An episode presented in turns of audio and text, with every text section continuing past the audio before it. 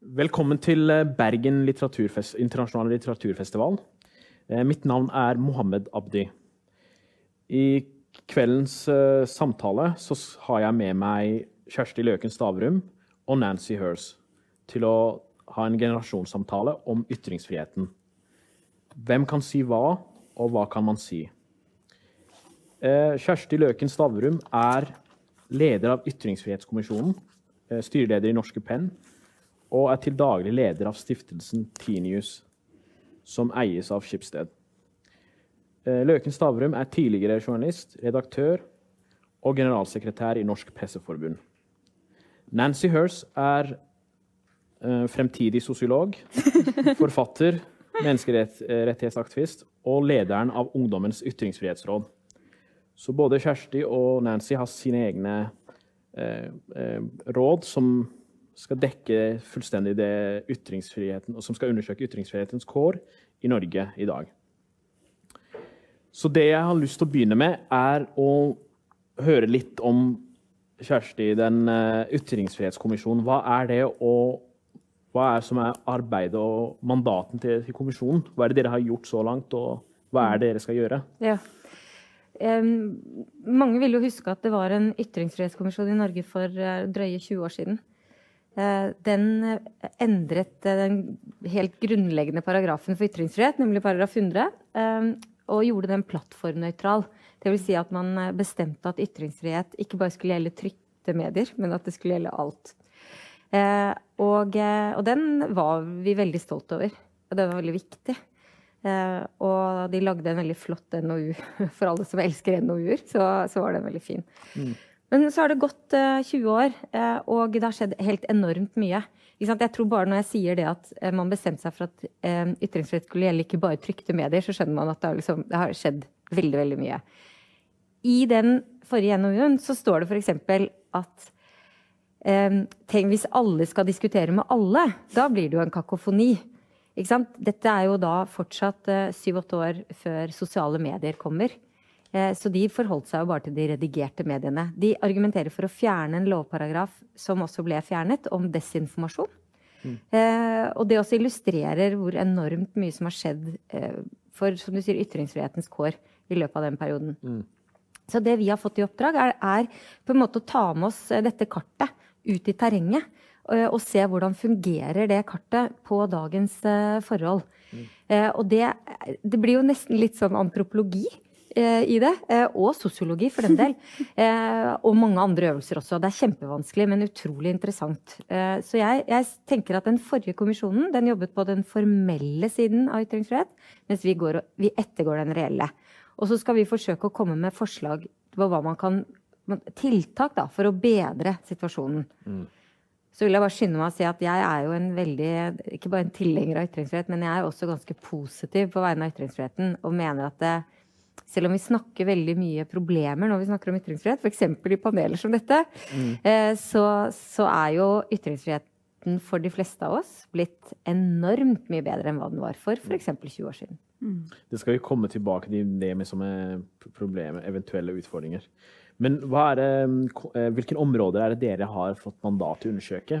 På hvilke områder i samfunnet er det sånn kåren eh, ytringsfrihet? Altså, vi, vi, ser Jeg føler at vi skal se på alt, egentlig. Mm. Eh, vi, skal, vi, eh, vi, kommer til å se på ytringsfrihet for folk med funksjonsnedsettelser. Etniske, religiøse minoriteter. Mm. Eh, arbeiderklassen. Eh, og eh, urfolk. unge, eldre. Mm og oss voksne, som jo også er rundt der. Vi, vi må selvfølgelig bruke tid på å se på disse tech-selskapene og hvilke rammevilkår de skaper for ytringsfriheten. Mm. Eh, hva glemmer jeg nå? Eh, vi skal også se på ytringsfrihet i arbeidslivet. Mm. Eh, Så arbeidstakeres eh, ja, rett til å ytre seg Det er jeg sjøl veldig, veldig opptatt av. Ja. Eh, fordi det er et litt sånn ubehagelig, utydelig område. Mm. Jeg tror det er mange som er redd for å fortelle om ting de kan noe om. Fordi de er usikre på om det blir anerkjent av andre kolleger og sjefer. Og om hvis de ytrer seg, så Eller ytrer seg, altså hvis de snakker, forteller om i offentligheten, deler, deler kunnskap, deler innsikt, erkjennelser, ting vi har nytte av. jeg tror altfor mange er redd for å gjøre det. og så holder de tilbake, og så blir debatten fylt av litt sånn omdømmeeksperter og, og mer folk som snakker om snakket, mm. heller enn å, å, å fòre oss med kunnskap. Takk. Um, Nancy, du har jo din egen kommisjon du også, men det, det skal ikke kalles kommisjon, det er råd. Det er et råd. Ja, Ungdommens ytringsfrihetsråd. Og det er første gang man har noe sånt, i, som jeg vet om. Eh, som eh, jeg vet om òg, kanskje. Ja. Ja, nå ser jeg hva på Kjersti. Hva er det? Hva er Ungdommens ytringsfrihetsråd, og hva er dere egentlig skal jobbe med, og mm. hva har dere gjort så langt? Hva har dere tenkt å gjøre? Eh, Ungdommens ytringsfrihetsråd det er et prosjekt som Norsk Penn, som uh, Kjersti er leder av, og Fritt Ord har initiert. Eh, de kom til meg og spurte om jeg ville være med på et ungdomsprosjekt om ytringsfrihet. Og etter en del samtaler rundt det, så fant vi ut at vi skulle lage et råd. og det er ikke Juniorkommisjonen. Det er vi veldig opptatt av, at dette er et råd som er noe annet enn kommisjonen. Ja. men samtidig da, så kommer vi nok til å snakke om mange av de samme områdene. Eh, og vi har jo fått der, det privilegiet da, av å lage vårt eget mandat. Mm. Eh, og at vi sjøl har bestemt hvilke områder, hvilke temaer det er vi vil snakke om. Eh, og da har jeg fått med meg 16 unge med på laget. De er mellom 16 og 26 år gamle. og vil gjerne bli kalt ungdom og unge voksne. Det er veldig, veldig viktig, for det er ikke alle som identifiserer seg som ungdom. Mm. nødvendigvis. Eh, men det er en ganske sånn ung målgruppe som har ulike erfaringer, ulike opplevelser av å bruke stemmen sin, eh, og som har mye å komme med når det gjelder disse diskusjonene rundt ytringsfrihet. Eh, og det vi har valgt å fokusere på av områder, det er jo skole og utdanning som en arena. Vi skal snakke om sosiale og tradisjonelle medier, som er en veldig viktig arena for mange unge. Vi skal snakke om kunst og kultur. Eh, som eh, er et eh, tema som engasjerer. Og ikke minst sivilsamfunns, politiske og religiøse organisasjoner. Mm. Og dette er da de arenaene som vi skal snakke om ytringsfrihet innafor. Og jeg er veldig glad for at vi har fått en sånn bredde uh, av unge mennesker med ulike erfaringer. Selv om vi har vært veldig opptatt av at uh, disse representantene de representerer seg sjøl. De er ikke representanter for en gruppe Nei. eller for en identitet. De representerer seg sjøl. Men samtidig så tror jeg at mange vil kjenne seg igjen i noen av de da. Mm. Så fordi det, um, for En annen forskjell mellom kommisjonen og rådet er jo at det er, det, det er, du selv som har vært med å velge de som skal sitte i rådet. Har det har vært sånn uh, så utvalg. Men, mens uh, de andre kommisjonene ble utnevnt, da. Regjeringsutnevnt. Ja. ja det som, er, som, har vært litt fint for oss, da, det er jo at man har fått lov til å søke til, ja. å bli, til, å bli, med i rådet. og Derfor har det vært en valgprosess. Mm. Eh, og Det håper jeg jo at uh, har ført til at vi får tak i stemmer som kanskje ikke ville blitt spurt direkte, men som mm. har meldt seg og sagt at jeg er engasjert i ytringsfrihet. Jeg har noe jeg vil dele, og, har, og det er mye jeg vil lære, ikke minst. For det skal jo være en lærerik erfaring. Og noe som jeg òg syns er fint, da, det er jo at vi forhåpentligvis bygger opp enda flere nye stemmer. Mm. Eh, som etterpå skal ut og bruke stemmen sin, bruke engasjementet sitt og føle at de har ikke bare seg sjøl å spille på, men et mm. helt råd som dekker de, selv om vi er uenige om enkeltsaker eller uenige om ulike aspekter da, ved ytringsfriheten. Og Hva blir sluttresultatet? Skal dere komme med en konkret rapport, eller er det noe undersøkelse dere skal legge fram, eller er mm. det forslag til tiltak? Hva, hva blir sluttresultatet? Vi skal bl.a. Uh, eh, lage en rapport uh, som uh, kommer. Vi håper å få til et arrangement hvor vi får presentert funnene våre. Mm. og så er vi òg opptatt av å komme med konkrete verktøy. Helt sånn konkrete ting som kan bedre ytringsfriheten for unge og unge voksne. Og det er jo som du sier, Kjersti, at og det kommer vi kanskje litt sånn tilbake til. Eh, vårt mandat er ikke å si at eh, loven må endres sånn og sånn, eller at eh, loven er feil og burde vært på en annen måte. Eh, vårt mandat er jo å se på det rent praktiske og se hvordan er det for ungdom og unge voksne i dag. Eh, og hvordan kan vi forbedre eh, det ytringsrommet da, som vi deltar i. Ja, takk. La oss uh, egentlig gå til kjernen av saken, da, fordi dette er jo generasjonssamtale. Og uh, vi har jo Jeg skal ikke si alderen på folk, men vi har jo forskjellige generasjoner her, ikke sant? Så er det, altså, jeg, når jeg følger med på ytringsfrihetsdebatter, så blir det alltid, som alle andre, mange andre temaer, så er det alltid noen av de voksne som sier dagens ungdom er ditt og datten, de er for aktivistiske, eller de tar ting for gitt, osv. Um, er det sånn å si at er forskjell mellom dagens unge når de tar de ytringsfriheten for gitt, eller er det en sånn påstand som er helt tullete å komme med? Er det fokuserer på, er på andre perspektiver og innfallsvinkler? Er det en annen forståelse? Mm. Hva tenker dere? Ordet er fritt. Nå stiller du et veldig vanskelig spørsmål, for jeg sitter jo ikke her som representant for alle unge. Nei, men hva men, tenker du? Hva tenker du? Er sånn at det blir jo en, en til tider generasjonskonflikt i forståelsen av dette. her. Alle er jo enige om at ytringsfriheten er viktig, mm. men folk fokuserer på forskjellige ting. Mm. Og da kan alder spille en rolle, kanskje?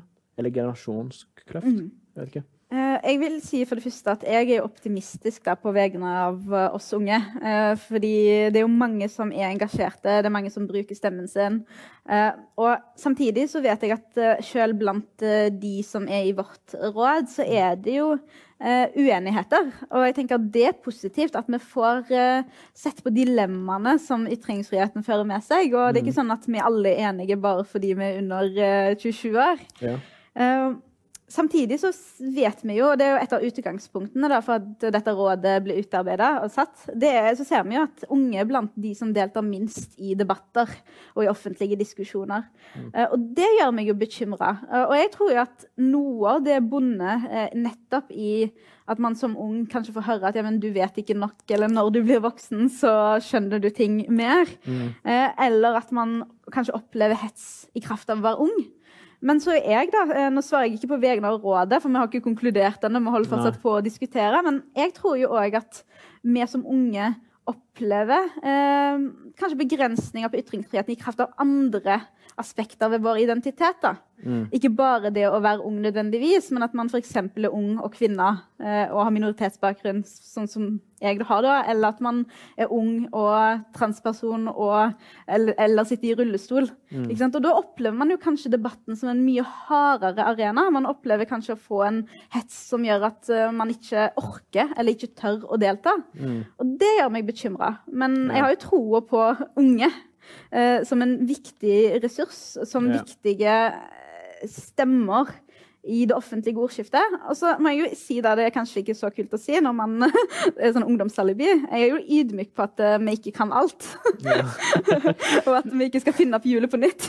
Men det er det jo ingen som kan. Altså det, det fascinerende med, tenker jeg da, på, på tiden vi lever i, er jo at nå er jo de unge blitt ekspertene mm. eh, på en del områder. Eh, mm. Sånn at det, det, Alt som pleide å komme med alder, det gjør det ikke lenger. Mm. Eh, og det tror jeg er sunt for alle, egentlig.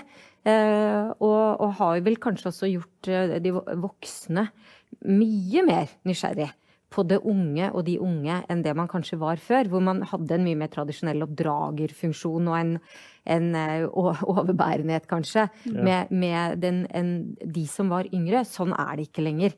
Uh, og det merker jeg helt konkret, uh, for vi i denne kommisjonen vi, vi, venter jo på det som rådet kommer med, og forventer at det er relevant. og at det er genuint. da. Det fins jo veldig lite som er kleinere enn 'nå skal vi voksne høre hva dere unge sliter med'. Eh, eh, så, sånn at vi eh, Det er det ene. At, at, det kommer fra de unge selv, er viktig. Men, men det er jo en, en, en, vesentlig generasjonsforskjell her. er jo at Mens jeg kan sitte og, og sammenligne med hvordan ting var før mm. jeg, jeg, begynte som journalist med å sette papiret inn i skrivemaskinen. Det er liksom på en måte i steinalderen, da. Ja. Eh, og, og, det gjør jo Jeg tenker jo på det som bra. For, jeg, for, hver dag så jubler jeg når jeg kan se hvor fort jeg kan gjøre ting som tidligere tok kjempelang tid. Mm. Ikke sant? Eh, da jeg jobbet som journalist, så måtte jeg ringe SSB for å få en rapport, og så la de den i posten. ikke sant? Og så fikk jeg den etter en stund. Ja. Hvis jeg var riktig heldig, så kanskje de faksa den ene siden, men det kunne jeg liksom ikke satse på at de ville gjøre. Mens, mens, så jeg vet jo hvor bra det er blitt. Eh, mm. Men det, det, jeg er nysgjerrig på, er hvordan det er for en som tar dette internettet for gitt, da, ikke sant? Mm. Og, og, som har vokst opp i det digitale. Eh, om det, Um, det, det gir jo helt andre refleksjoner, antar jeg, mm. enn, det, enn de jeg eh, og min generasjon har. Mm. Nei, det er, det er det teknologien Det er det som også dere har jo tenkt å se nærmere på i kommisjonen. Absolutt. Som den forrige kommisjonen ikke gjorde, fordi det var jo 96 eh, de ble Den var jo ikke der. ikke sant? Nei. Eller internett var der. Men, mm. men man hadde jo ingen forutsetning for å se hva det kom til å bli. Særlig når det sosiale medier er jo en, Ja, det er jo en revolusjon i seg selv. ikke sant. Um, når det er sånn der um, uh, Fordi i kommisjonen, er det mange unge folk der, eller er det hvordan er, Jeg skal ikke aldersspennet, men har dere unge representanter der?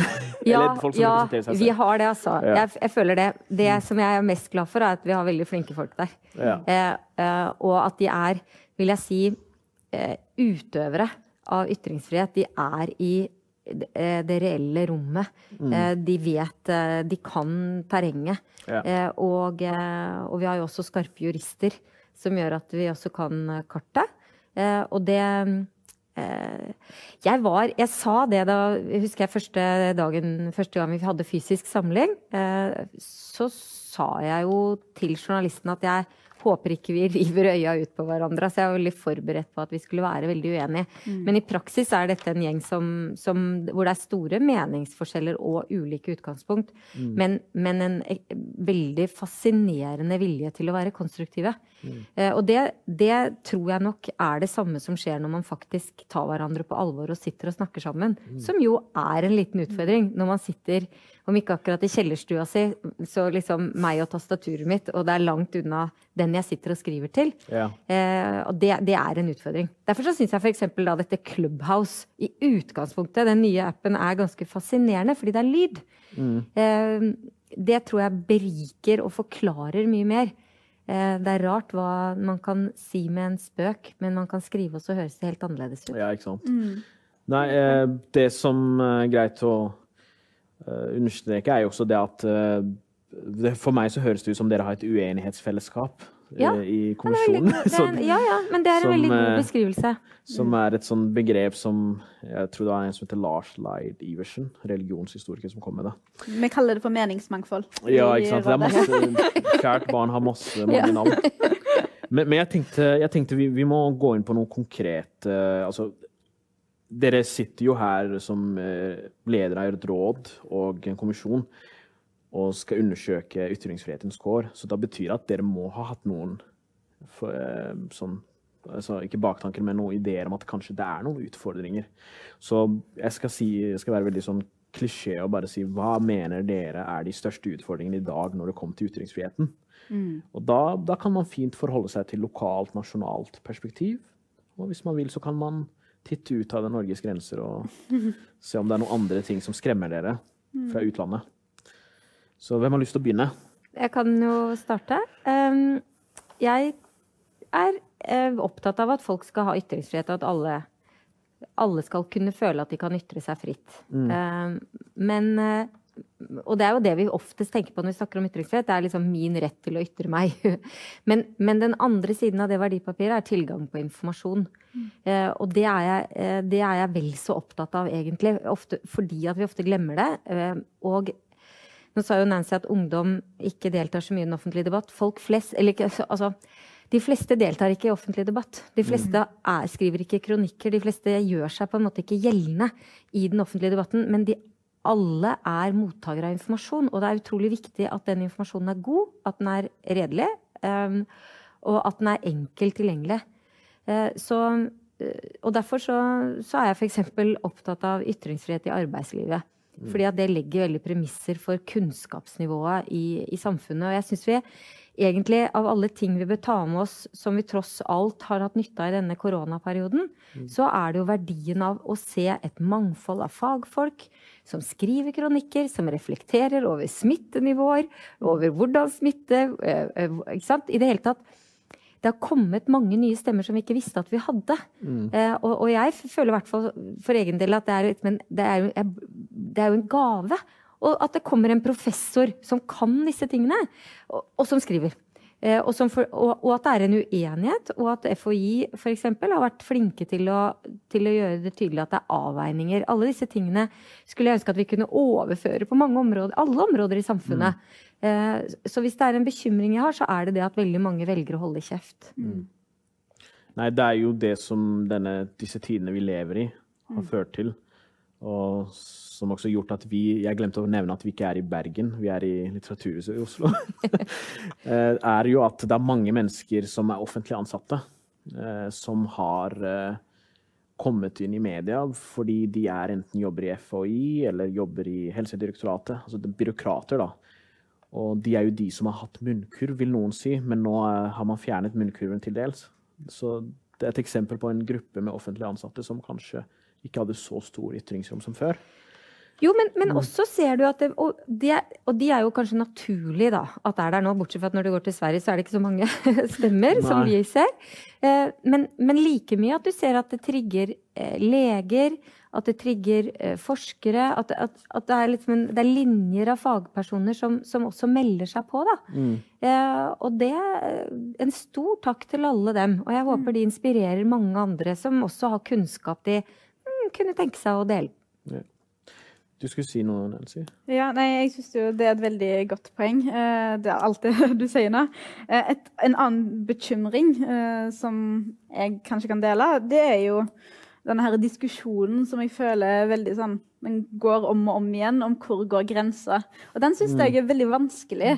For jeg, jeg syns ikke at det nødvendigvis er et fasitsvar som passer for alle situasjoner. Eh, og så er det, Én ting er jo at man tenker i prinsippet at ytringsfriheten den skal strekke veldig langt. Og det, det mener jeg. Den skal strekke så langt så, til der man oppfordrer til vold eller trusler. Mm. Eh, men så er det jo noen gråsoner.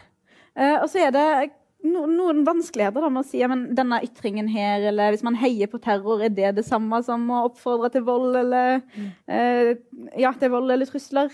Eh, er det lov å kalle noen for det ene eller det andre? Vi har jo sett en del saker som har kommet opp i Høyesterett. Mm. Eh, og det er noen av de diskusjonene som vi har. Hvor går grensa? Eh, og ikke minst, eh, hva skjer hvis man begynner å forhindre eller Uh, liksom, vi snakker en del om cancel culture, uh, mm. som har vært en uh, stor kan tematikk. Kan du forklare så kort til lytterne hva det er? ja, altså, sånn som Eller din definisjon. Jeg, min definisjon da, vil ja. jo være at man f.eks. avinviterer enkelte debattanter fordi mm. de er veldig kontroversielle, eller at ja, man ikke får komme til orde mm. pga. meningene sine. Og cancel er jo å av, avlyse. Å kansellere, avlyse. Mm. men så, så, disse dilemmaene syns jeg er veldig interessante å snakke om. Ja. Uh, og vi diskuterte så vidt dette i rådet òg, med at uh, sosiale medier uh, har jo vært en arena hvor bl.a. Uh, tidligere president Donald Trump ble blokkert. Hva gjør det med både ytringsfriheten, men òg informasjonsfriheten? Og ikke minst, hva gjør det med makten som disse sosiale mediene har? Hva skjer når CEO i Twitter er mektigere da, per definisjon enn presidenten ja. i det øyeblikket. Og, og, det går an å mene begge deler, tenker jeg. da, At mm. det er greit at han blir blokkert, eller at det ikke er greit, uten at det betyr at man er imot ytringsfrihet. Mm. Men det er en diskusjon som vi må ta eh, hele tida, og som vi ja. må se på alle nyansene ved. Du, ja, du, var inne på noe med, når jeg prata med deg tidligere. Ja, og, og det, er, det, Nancy tar opp, er, det er jo det store spørsmålet. Og så mm er jeg helt enig i at én ting er hva, hva er straffbart. Mm. Men, men, den reelle beskrankningen skjer jo lenge før du står i Høyesterett. Mm. Eh, og, og, eh, og, den handler jo om eh, Orker jeg å ta denne debatten? Altså, mm. Du kan jo lukte det. Du vet jo hva, hvis, du, hvis, hvis, du, på eh, Hvis du har lyst på et helvete gjennom helgen, så kan du poste et eller annet som går på kanskje innvandring eller feminisme eller trans. Eh, og da har du det gående.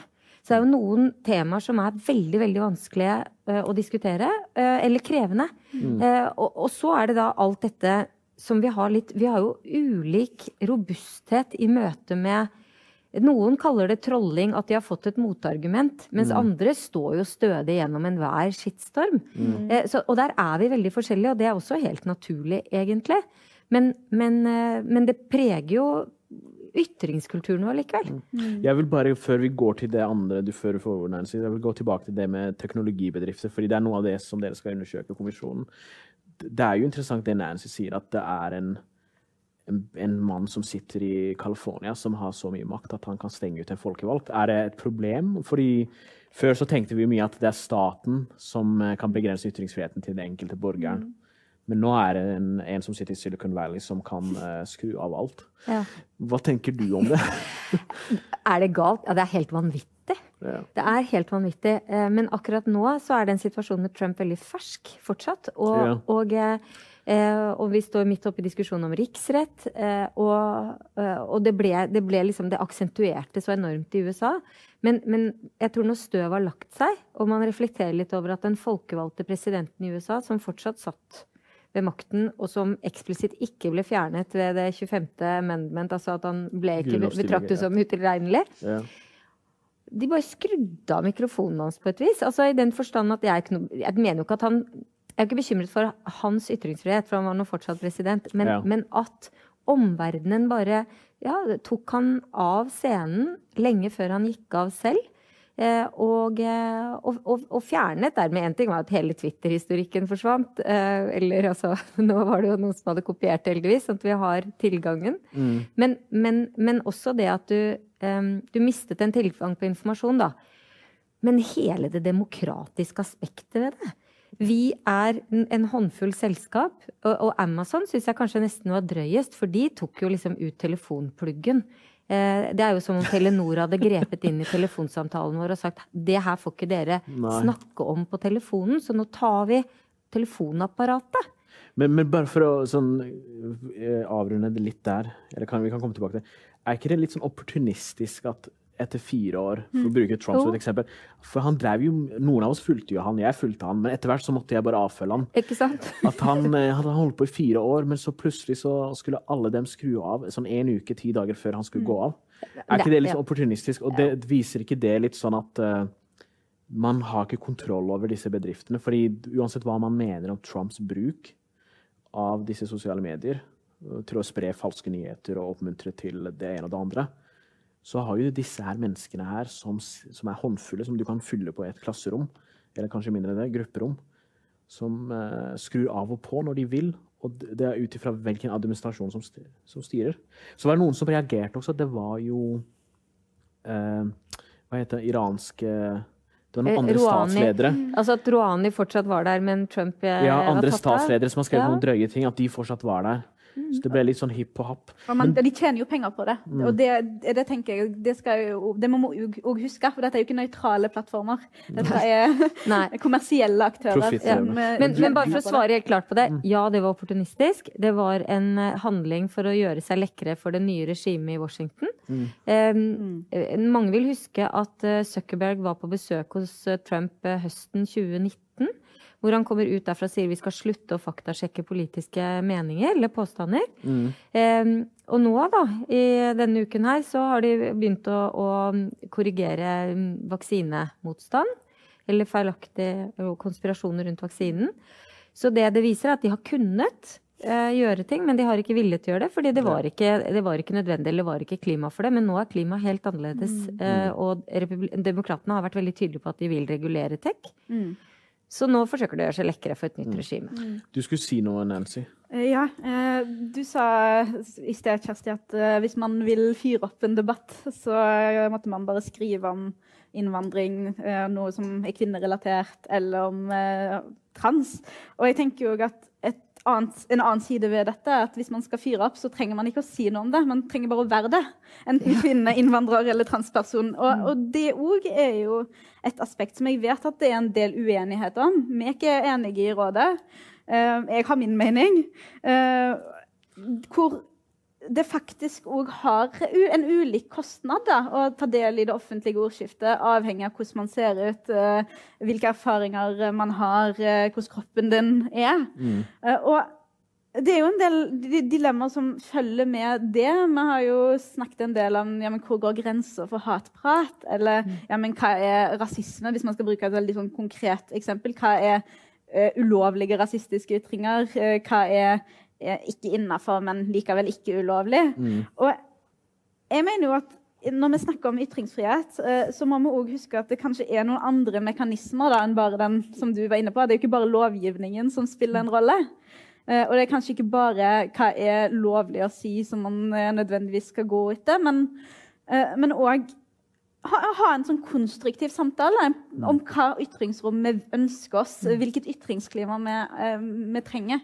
Eh, for selv om eh, ingen hindrer meg for eksempel, eller dere i å sitte her, eh, så ville det jo kosta mye mer hvis jeg hadde visst at ved å sitte her, så kommer jeg til å få en skyllebøtte med hets etterpå. Etter dette her er over. Ja, ikke sant? Og jeg husker, jeg tror det var i 2017, så stilte jeg opp på et arrangement hvor Sumaya Jirde Ali, eh, som er en samfunnsdebattant og forfatter, trakk seg eh, pga. at hun hadde opplevd så mye hets i forkant. Og hadde opplevd et veldig stort eh, trykk av hets.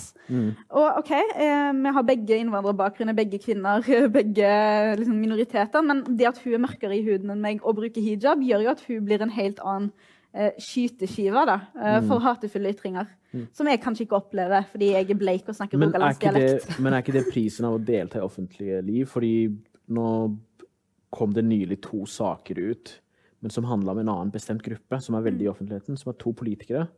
Jon Helgheim fra Frp og nåværende miljøminister eh, Sveinung Rot- Rotevatn, som ble truet av forskjellige personer. Da. Og begge de eh, anmeldte det selvfølgelig, og det, har kommet dom som 30, jeg tror det er sånn 30 dagers fengsel eller 60 dagers eller noe sånt.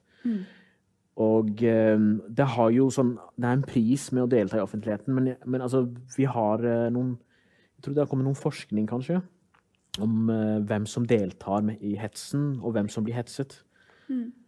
Og eh, menn blir Jeg leste, nå vet jeg ikke om det er helt riktig, men menn er de som blir mest utsatt for hets. Hva, har, du fått, har dere fått med dere dette her?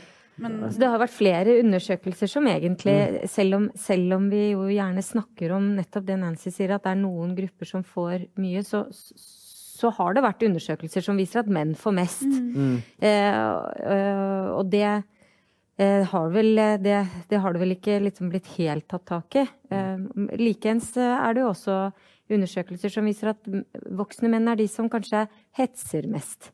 Eh, og Så det er menn som hetser menn? ja, og, og, men dette er også en side ved det hele som, som Ja. gjør det veldig komplisert. Altså, Ja. Du har eh, hets, konflikter innad i muslimske miljøer. Det er jo ikke sånn at det bare er utenfra og inn i noen eh, Mm. miljøer, egentlig. Det, det er også inn, inni i det man lager bokser av, da. Mm. Eh, og, og det Ja, det gjør det enda vanskeligere.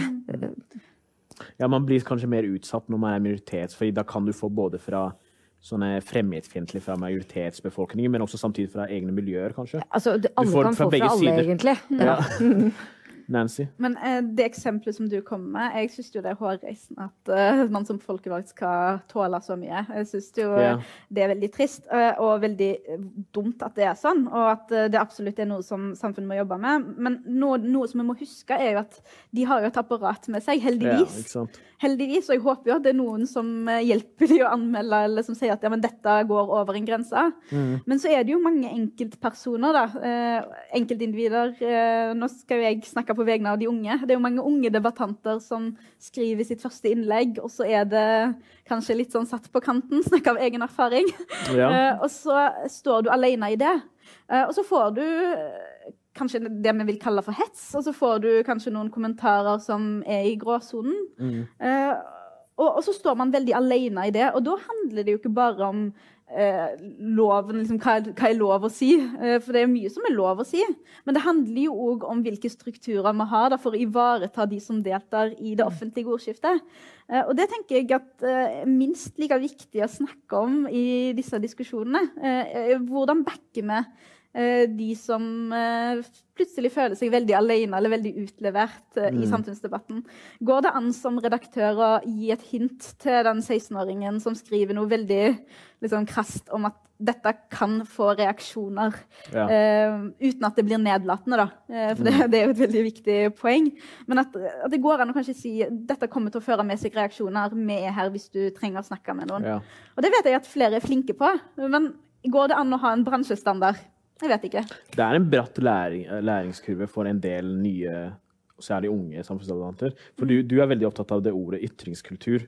Hva, eh, for, hva slags ytringskultur er det vi har i Norge? Vi har mange forskjellige hele tiden. Mm. Og, og de er altså, ulike i forhold til eh, tematikk som vi har vært innom, eller hvem. eh, Stem, også tidsånd. eh, Og, og stemning nå. Altså, man blir veldig preget av, eh, av omgivelsene.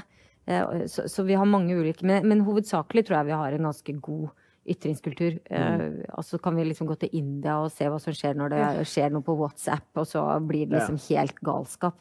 Så, så jeg er ganske sikker på at vi har Hvis vi hvis ikke det ideale er noe å sammenligne med, men vi sammenligner med alle andre land, så mener jeg Norge kommer veldig godt ut. Mm. Men, men, det er veldig viktig dette at det er mange som ikke har det skjoldet som en, en posisjon eller et yrke gir deg når du mm. er ute i det offentlige rom, og da er du veldig alene. Så én ting er bransjestandard, men noe annet er jo den, den på en måte tanken vi alle bør tenke om det å stå der aleine. Og mm. også det som jo noen fra tid til annen så ser de kanskje ikke helt konsekvensen av det de sa. Og, jeg er jo innimellom glad for det, for vi er jo så mange som tenker etter kan jeg støte det og det, og altså at du driver og polerer budskap så det nesten ikke blir noe mening igjen i det. Mm. Men, men, men, men, så er det jo noen som glemmer seg, da. Eller ikke ser det uh, fra, fra det nådeløses uh, side. og, og og det å trå til å være eh, en forsvarslinje, det tror jeg nok vi alle kan være mm. mer bevisst på. altså. Mm. Jeg tror jeg husker ikke hvilken avis det var, men jeg husker at det var en ung person som sendte inn et innlegg om eh, homofili. ikke sant? At det var, eh, det var en ung konservativ religiøs person. Nå så husker jeg ikke hvilken avis det var. Og den personen fikk skyllebøtte. Og det var Jeg tenkte Når jeg leste det innlegget der, så tenkte jeg de meningene fins i Norge, selvfølgelig. I religiøse miljøer. Mm. Og det er greit at de kommer fram. Mm. Men så tenkte jeg også om redaktøren hadde tatt noen runder med den personen. Mm. Om kanskje hadde fortalt han eller hun mm. om å kanskje ikke nødvendigvis dempe seg ned, men kanskje velge. Fordi når du blir googlet nå, så kommer det innlegget fram. Og det er jo egentlig bra at disse meningene kommer fram, men jeg tenker også det er en, det er en pri... Altså jeg tror det er noen uh, når man deltar i offentligheten, som alle vi tre gjør, på mm. hver vår måte, at vi er kanskje drevne men det er noen av de som har lyst til å si noe, som kanskje ikke får den oppfølgingen mm. de burde få.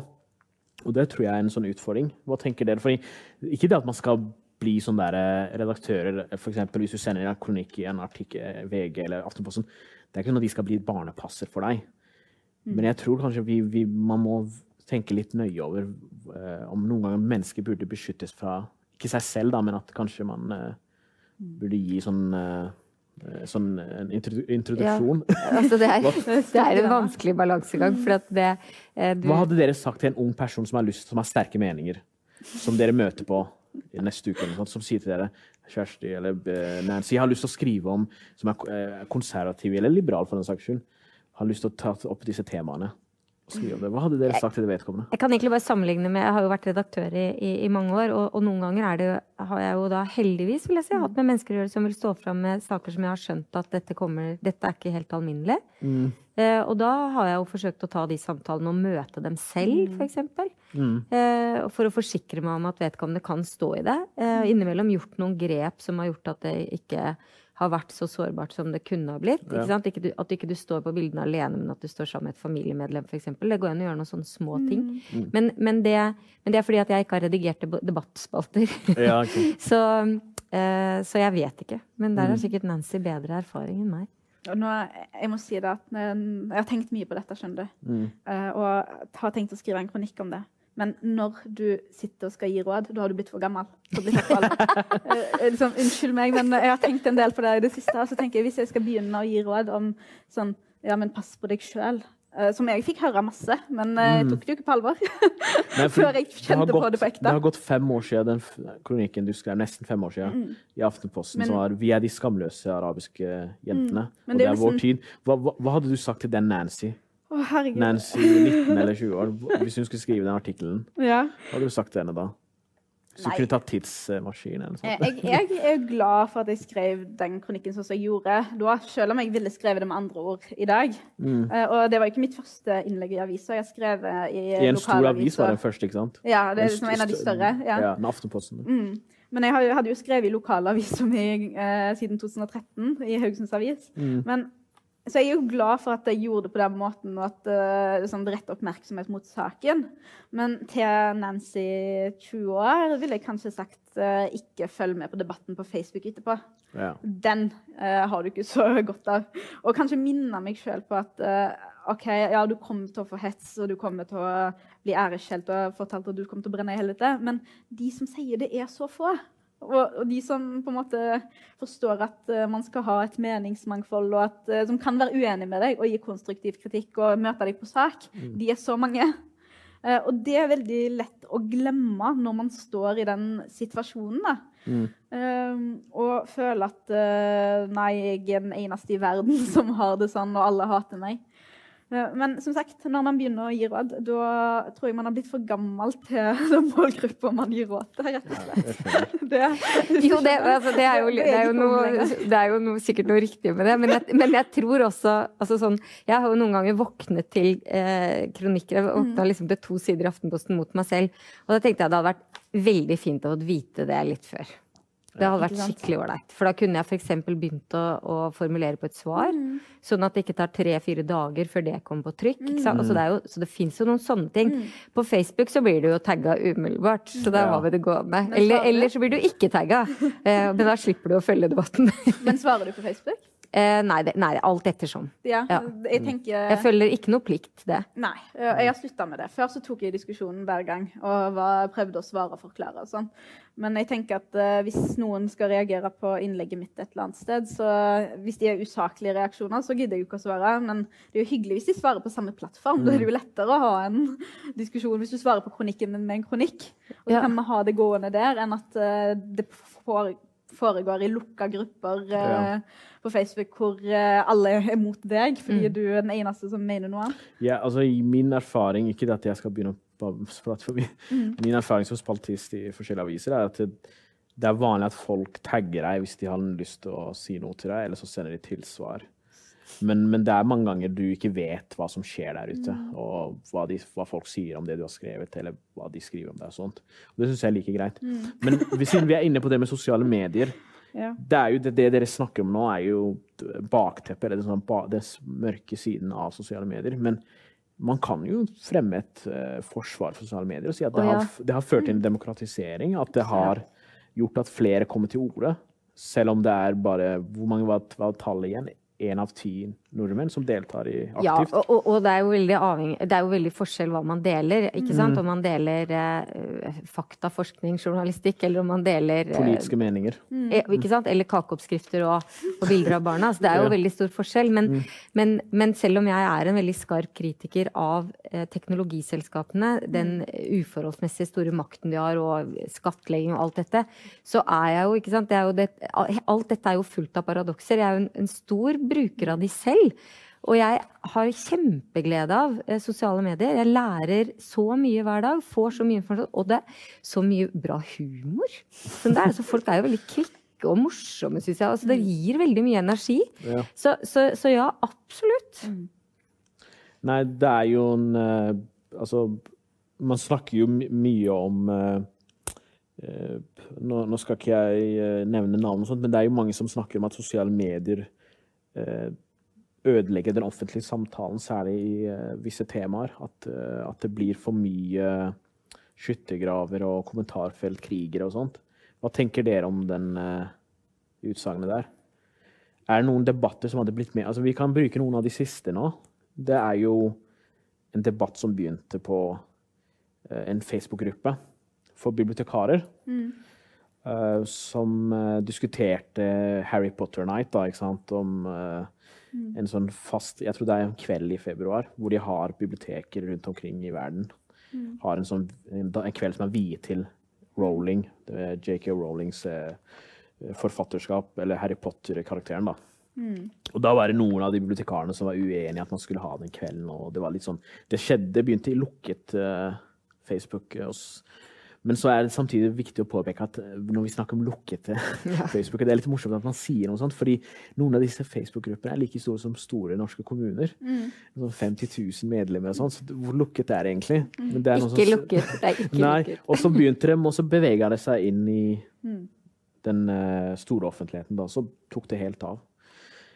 Og da er det noen som jeg blant annet mener at den debatten hadde blitt mye bedre hvis man hadde hatt uh, mer nyansert syn på tingene som kom fram. Både når det var bibliotekarer og bibliotekets oppdrag her, men også lytte til de menneskene som mener at de blir uthengt av den og den personen. Da. Mm. Men er det, er det sånn et eksempel på at blir noen debatter egentlig sabotert av sosiale medier? Er det bedre at vi sitter her og snakker om de, og så filmes det eller vises på radio, og så, så tar de over avisdebatten? Er det bedre at man gjør det på den plattformen, eller er det, hva tenker dere? Det, jeg er jo for så vidt enig med Kjersti i at det er veldig demokratisk at flere kan delta i det offentlige ordskiftet. Mm. Uh, og for å på en måte ta den litt videre, uh, så er et annet problem som jeg ser når det gjelder dette med ytringsfrihet, er jo at det er ikke nødvendigvis sånn at bare fordi man har ytringsfrihet, så kan man bruke den. Fordi den fins ute i verden. Man har, har, det juridisk, så kan man benytte seg av ytringsfriheten. Det er jo folk som kanskje tenker at ja, men jeg kan ikke nok, eller jeg har ikke de rette begrepene. Og vi ser jo at det er jo et klasseskille òg mm. i hvem som blir made hvis de kommer med en ytring fordi man har formulert seg litt klumsete eller med feil begreper. Uh, og noen som polerer budskapet sitt. Jeg sitter jo og polerer budskapet mitt for at ingen skal misforstå meg mm. uh, når jeg egentlig mener noe annet. Mm.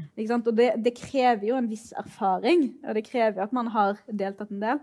Uh, så, så yt ytringsfrihet og sosiale medier Tja. Eh, tja, men jeg tenker at det er fint at flere får uh, komme til orde og få deltatt i uh, det offentlige ordskiftet. Mm.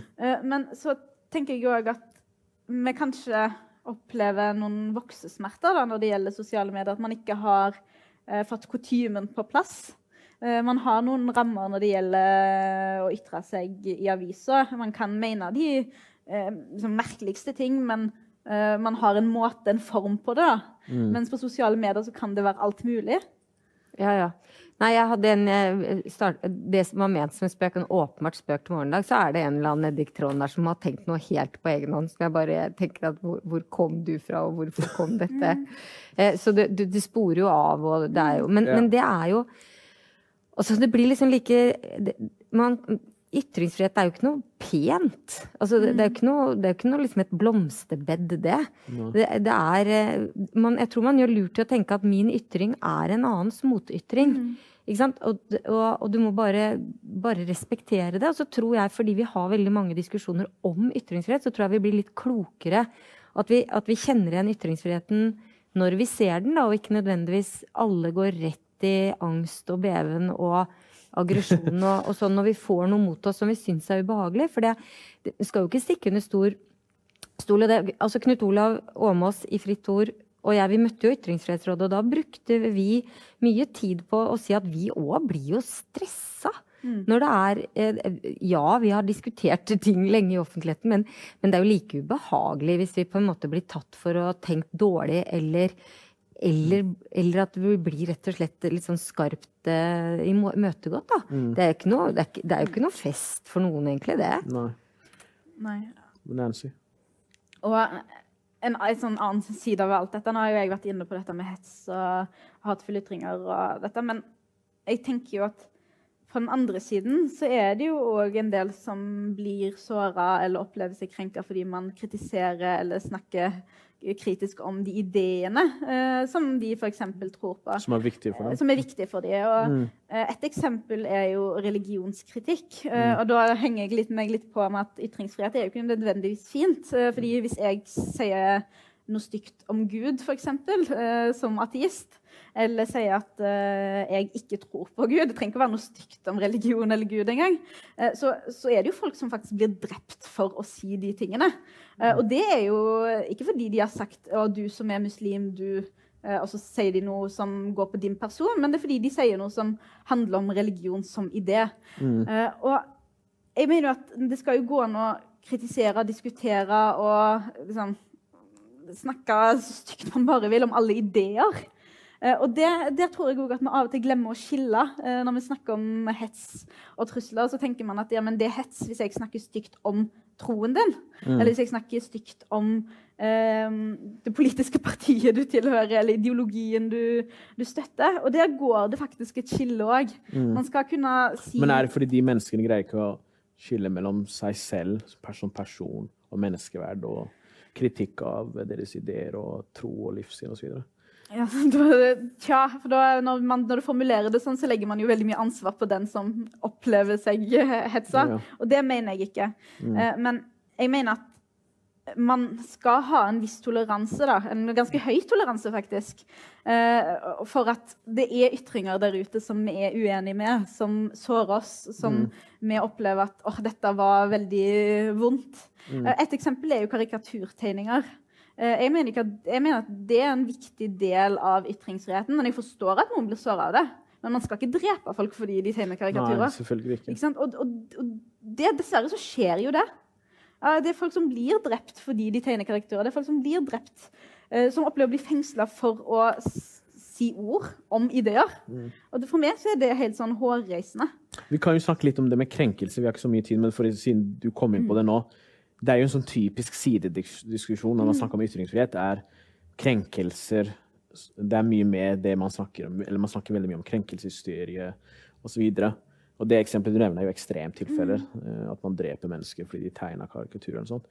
Men jeg leste, jeg tror det var tillegg til mandatet deres. Odin Lysaker, en som er filosof, han skrev i Aftenposten om at eh, det å bli krenket, selv om det er en subjektiv følelse, så må man ha tilgang til det demokratiske ordskiftet. Så hans, eh, hans, han formulerte sikkert mye mer sånn filosofisk enn det jeg gjorde. Men han mente at en krenkelse har en naturlig del av det offentlige ordskiftet. At følelser også spiller en rolle. Ikke bare For når vi snakker om meningsbrytning, så er det mange som er veldig opptatt av at det skal være fornuftige altså meninger som skal være basert på fornuftbaserte, som skal kollidere med hverandre. Og så skal man komme til en høyere sannhet, eller noe sånt. Og så er det mange mennesker der ute som blir veldig følelsesdrevet, som blir sinte. Man skal ikke forsvare volds og trusler, og sånn, men som blir sinte, som blir hysteriske hvis man kan si. Blir, hvilke rom skal man ha? Hvilket, uh, hvor mye følelser og krenkelser skal man ha i det offentlige ordskiftet før man sier det er en trussel mot ytringsfriheten? Ja, det er ikke sant, men det er Krenkelse er jo blitt et ord man gjerne ikke bruker om seg selv, men man det, bruker, klistrer det på andre fordi de er blitt engasjert eller mm. berørt eller såret. Og når det gjelder f.eks. karikaturene, så, så, er jo de, de er jo de er jo på en måte blitt et symbol på noe. De, er, de, blir jo ikke tatt for hva de er. og Sånn sett så tenker jeg at vi kanskje hadde trengt noen karikaturer om katolisismen og Jomfru Maria f.eks., som kunne ha bidratt til en liten for større forståelse om hvor, ja, hvor heftig det kan være da, mm. for troende eh, å mm. bli møtt med en karikatur. Um, men de, de, jeg tenker de religiøse krenkelser og subjektive mm. meninger, det har man snakket veldig mye om. Men et eksempel var jo fulle sjømenn og disse her Ja, som, ja men, men de, det er jo vært, mye ja, ja. Det, det er, jeg, er, mm, er enig i det. Altså, det er jo mye sånn stråmenn-argumentasjon når det kommer mm. til krenkelser. ikke sant? Jeg er litt usikker på om sjømennene selv eh, to, eh, ble, krenket. Ble, krenket. eller om noen ble krenket på deres vegne. Det var en fra Sjøoffiserforbundet, men ja. han Men han ble sannsynligvis ikke krenket selv, ikke sant? Men, men, eh, og, men sånne, sånne, diskusjoner syns jeg på en måte jeg skjønner jo at man kan si det, men man skal kanskje være, passe litt på, for da begynner vi å gå så veldig forsiktig fram. Mm. Å bruke penger som fulle sjømenn er et uttrykk eh, som vi har brukt, og, og, det er egentlig bare det det er. Men nå er det veldig vanskelig å bruke det uttrykket. Ja. Så nå slutter vi med det. Og da er det kanskje noen som blir glad, men kanskje egentlig ikke. Det er bare at du fikk fjerna noe som man kan reagere på. Det er der jeg mener at vi innimellom kanskje når vi gjør, måtte blir veldig varsom på vegne av noen andre. Skal, og, da, og, det er der dette med krenking dukker opp. Dans, det, danskene hadde, har nettopp hatt en ytringsfrihetskommisjon. De var ferdig med sin rapport eh, omtrent for et år siden.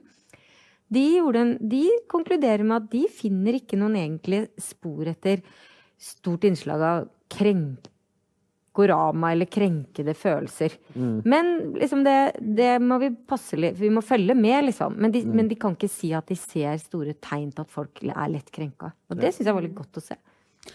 Nancy? Men uh, jeg mener jo som sagt at det skal ikke være noen begrensninger bare fordi det sårer følelser. Uh, og at det skal gå an å si veldig mye. Frihet, ytringsfriheten skal strekke seg veldig langt. Uh, men jeg tenker jo at vi, kan, vi, må prøve å se dette liksom, ikke bare som en ytringsfrihetsdiskusjon, men òg mm. som noe som handler om makt. Og da er det jo ulike mekanismer som skal til. Mm. Eh, ja, man skal tegne, jeg, tenker, jeg, mener at man skal kunne tegne karikaturer. Man skal kunne diskutere eh, religion og kritisere religion og æreskjelle ideer så mye man bare vil. Men samtidig, men samtidig så forstår jeg at eh, folk som er religiøse, kan bli såra av det. Det betyr ikke at man skal slutte å si det. Eh, men det betyr, men jeg tenker at da kan man jo òg ha en forståelse for at det skjer, å gå i den dialogen mm. og oppfordre de menneskene til å ta eh, til orde og forsvare sine ideer og de ideene som de tror på. Problemet oppstår jo, eh, og det er derfor jeg nevnte makt, problemet oppstår jo når Eh, de, de, menneskene som følger disse ideene, opplever at de ikke får en plattform. Eller at de ikke kommer til orde. Og, og, da må man jo jobbe med det. Da må man mm. jobbe med at flere stemmer, flere ytringer, flere kontringer får plass, heller enn færre. Mm. Uh, og heller ta det, liksom, gjør ytringsrommet større da, i stedet for å begrense ytringene som er innafor og utafor. Vi, jeg tenker jo, vi, vi ja. må avrunde snart, så jeg tenkte dere kunne få sånn ett minutt hver til å si uh, litt om uh, hva dere tenker rundt om uh, ytringsfrihetens kår uh, i Norge under pandemien. Hvordan har det vært? Nei da. Nei, nå gjør det vanskelig. Jeg, jeg, bare tuller med dere. Nei, litt mer, jeg tenkte dere kunne avslutte, vi kunne avrunde litt med Dere kan snakke litt om hva dere tenker videre om Hva dere syns egentlig om ytringsfrihetens kår uh, i, i, Norge sammenlignet med f.eks. Altså, hva tenker dere kommer til å skje videre? Jeg prøver å komme med et så veldig bra spørsmål, men det ble jeg ikke. Nei, nei, men, eh, men det, det, er jo tilbake til utgangspunktet at jeg tror jo at verden går framover. Jeg gjør det, mm. hovedsak, og det gjør den hovedsakelig også. Og så er, det, så er det noen utfordringer som vi har vært innom nå. I tillegg så, så, så, så er jeg jo litt sånn spørrende til, eh, til um, ting som skjer innenfor uh, forståelse for kunstnerisk frihet, f.eks., mm. som også er et område kommisjonen skal jobbe med.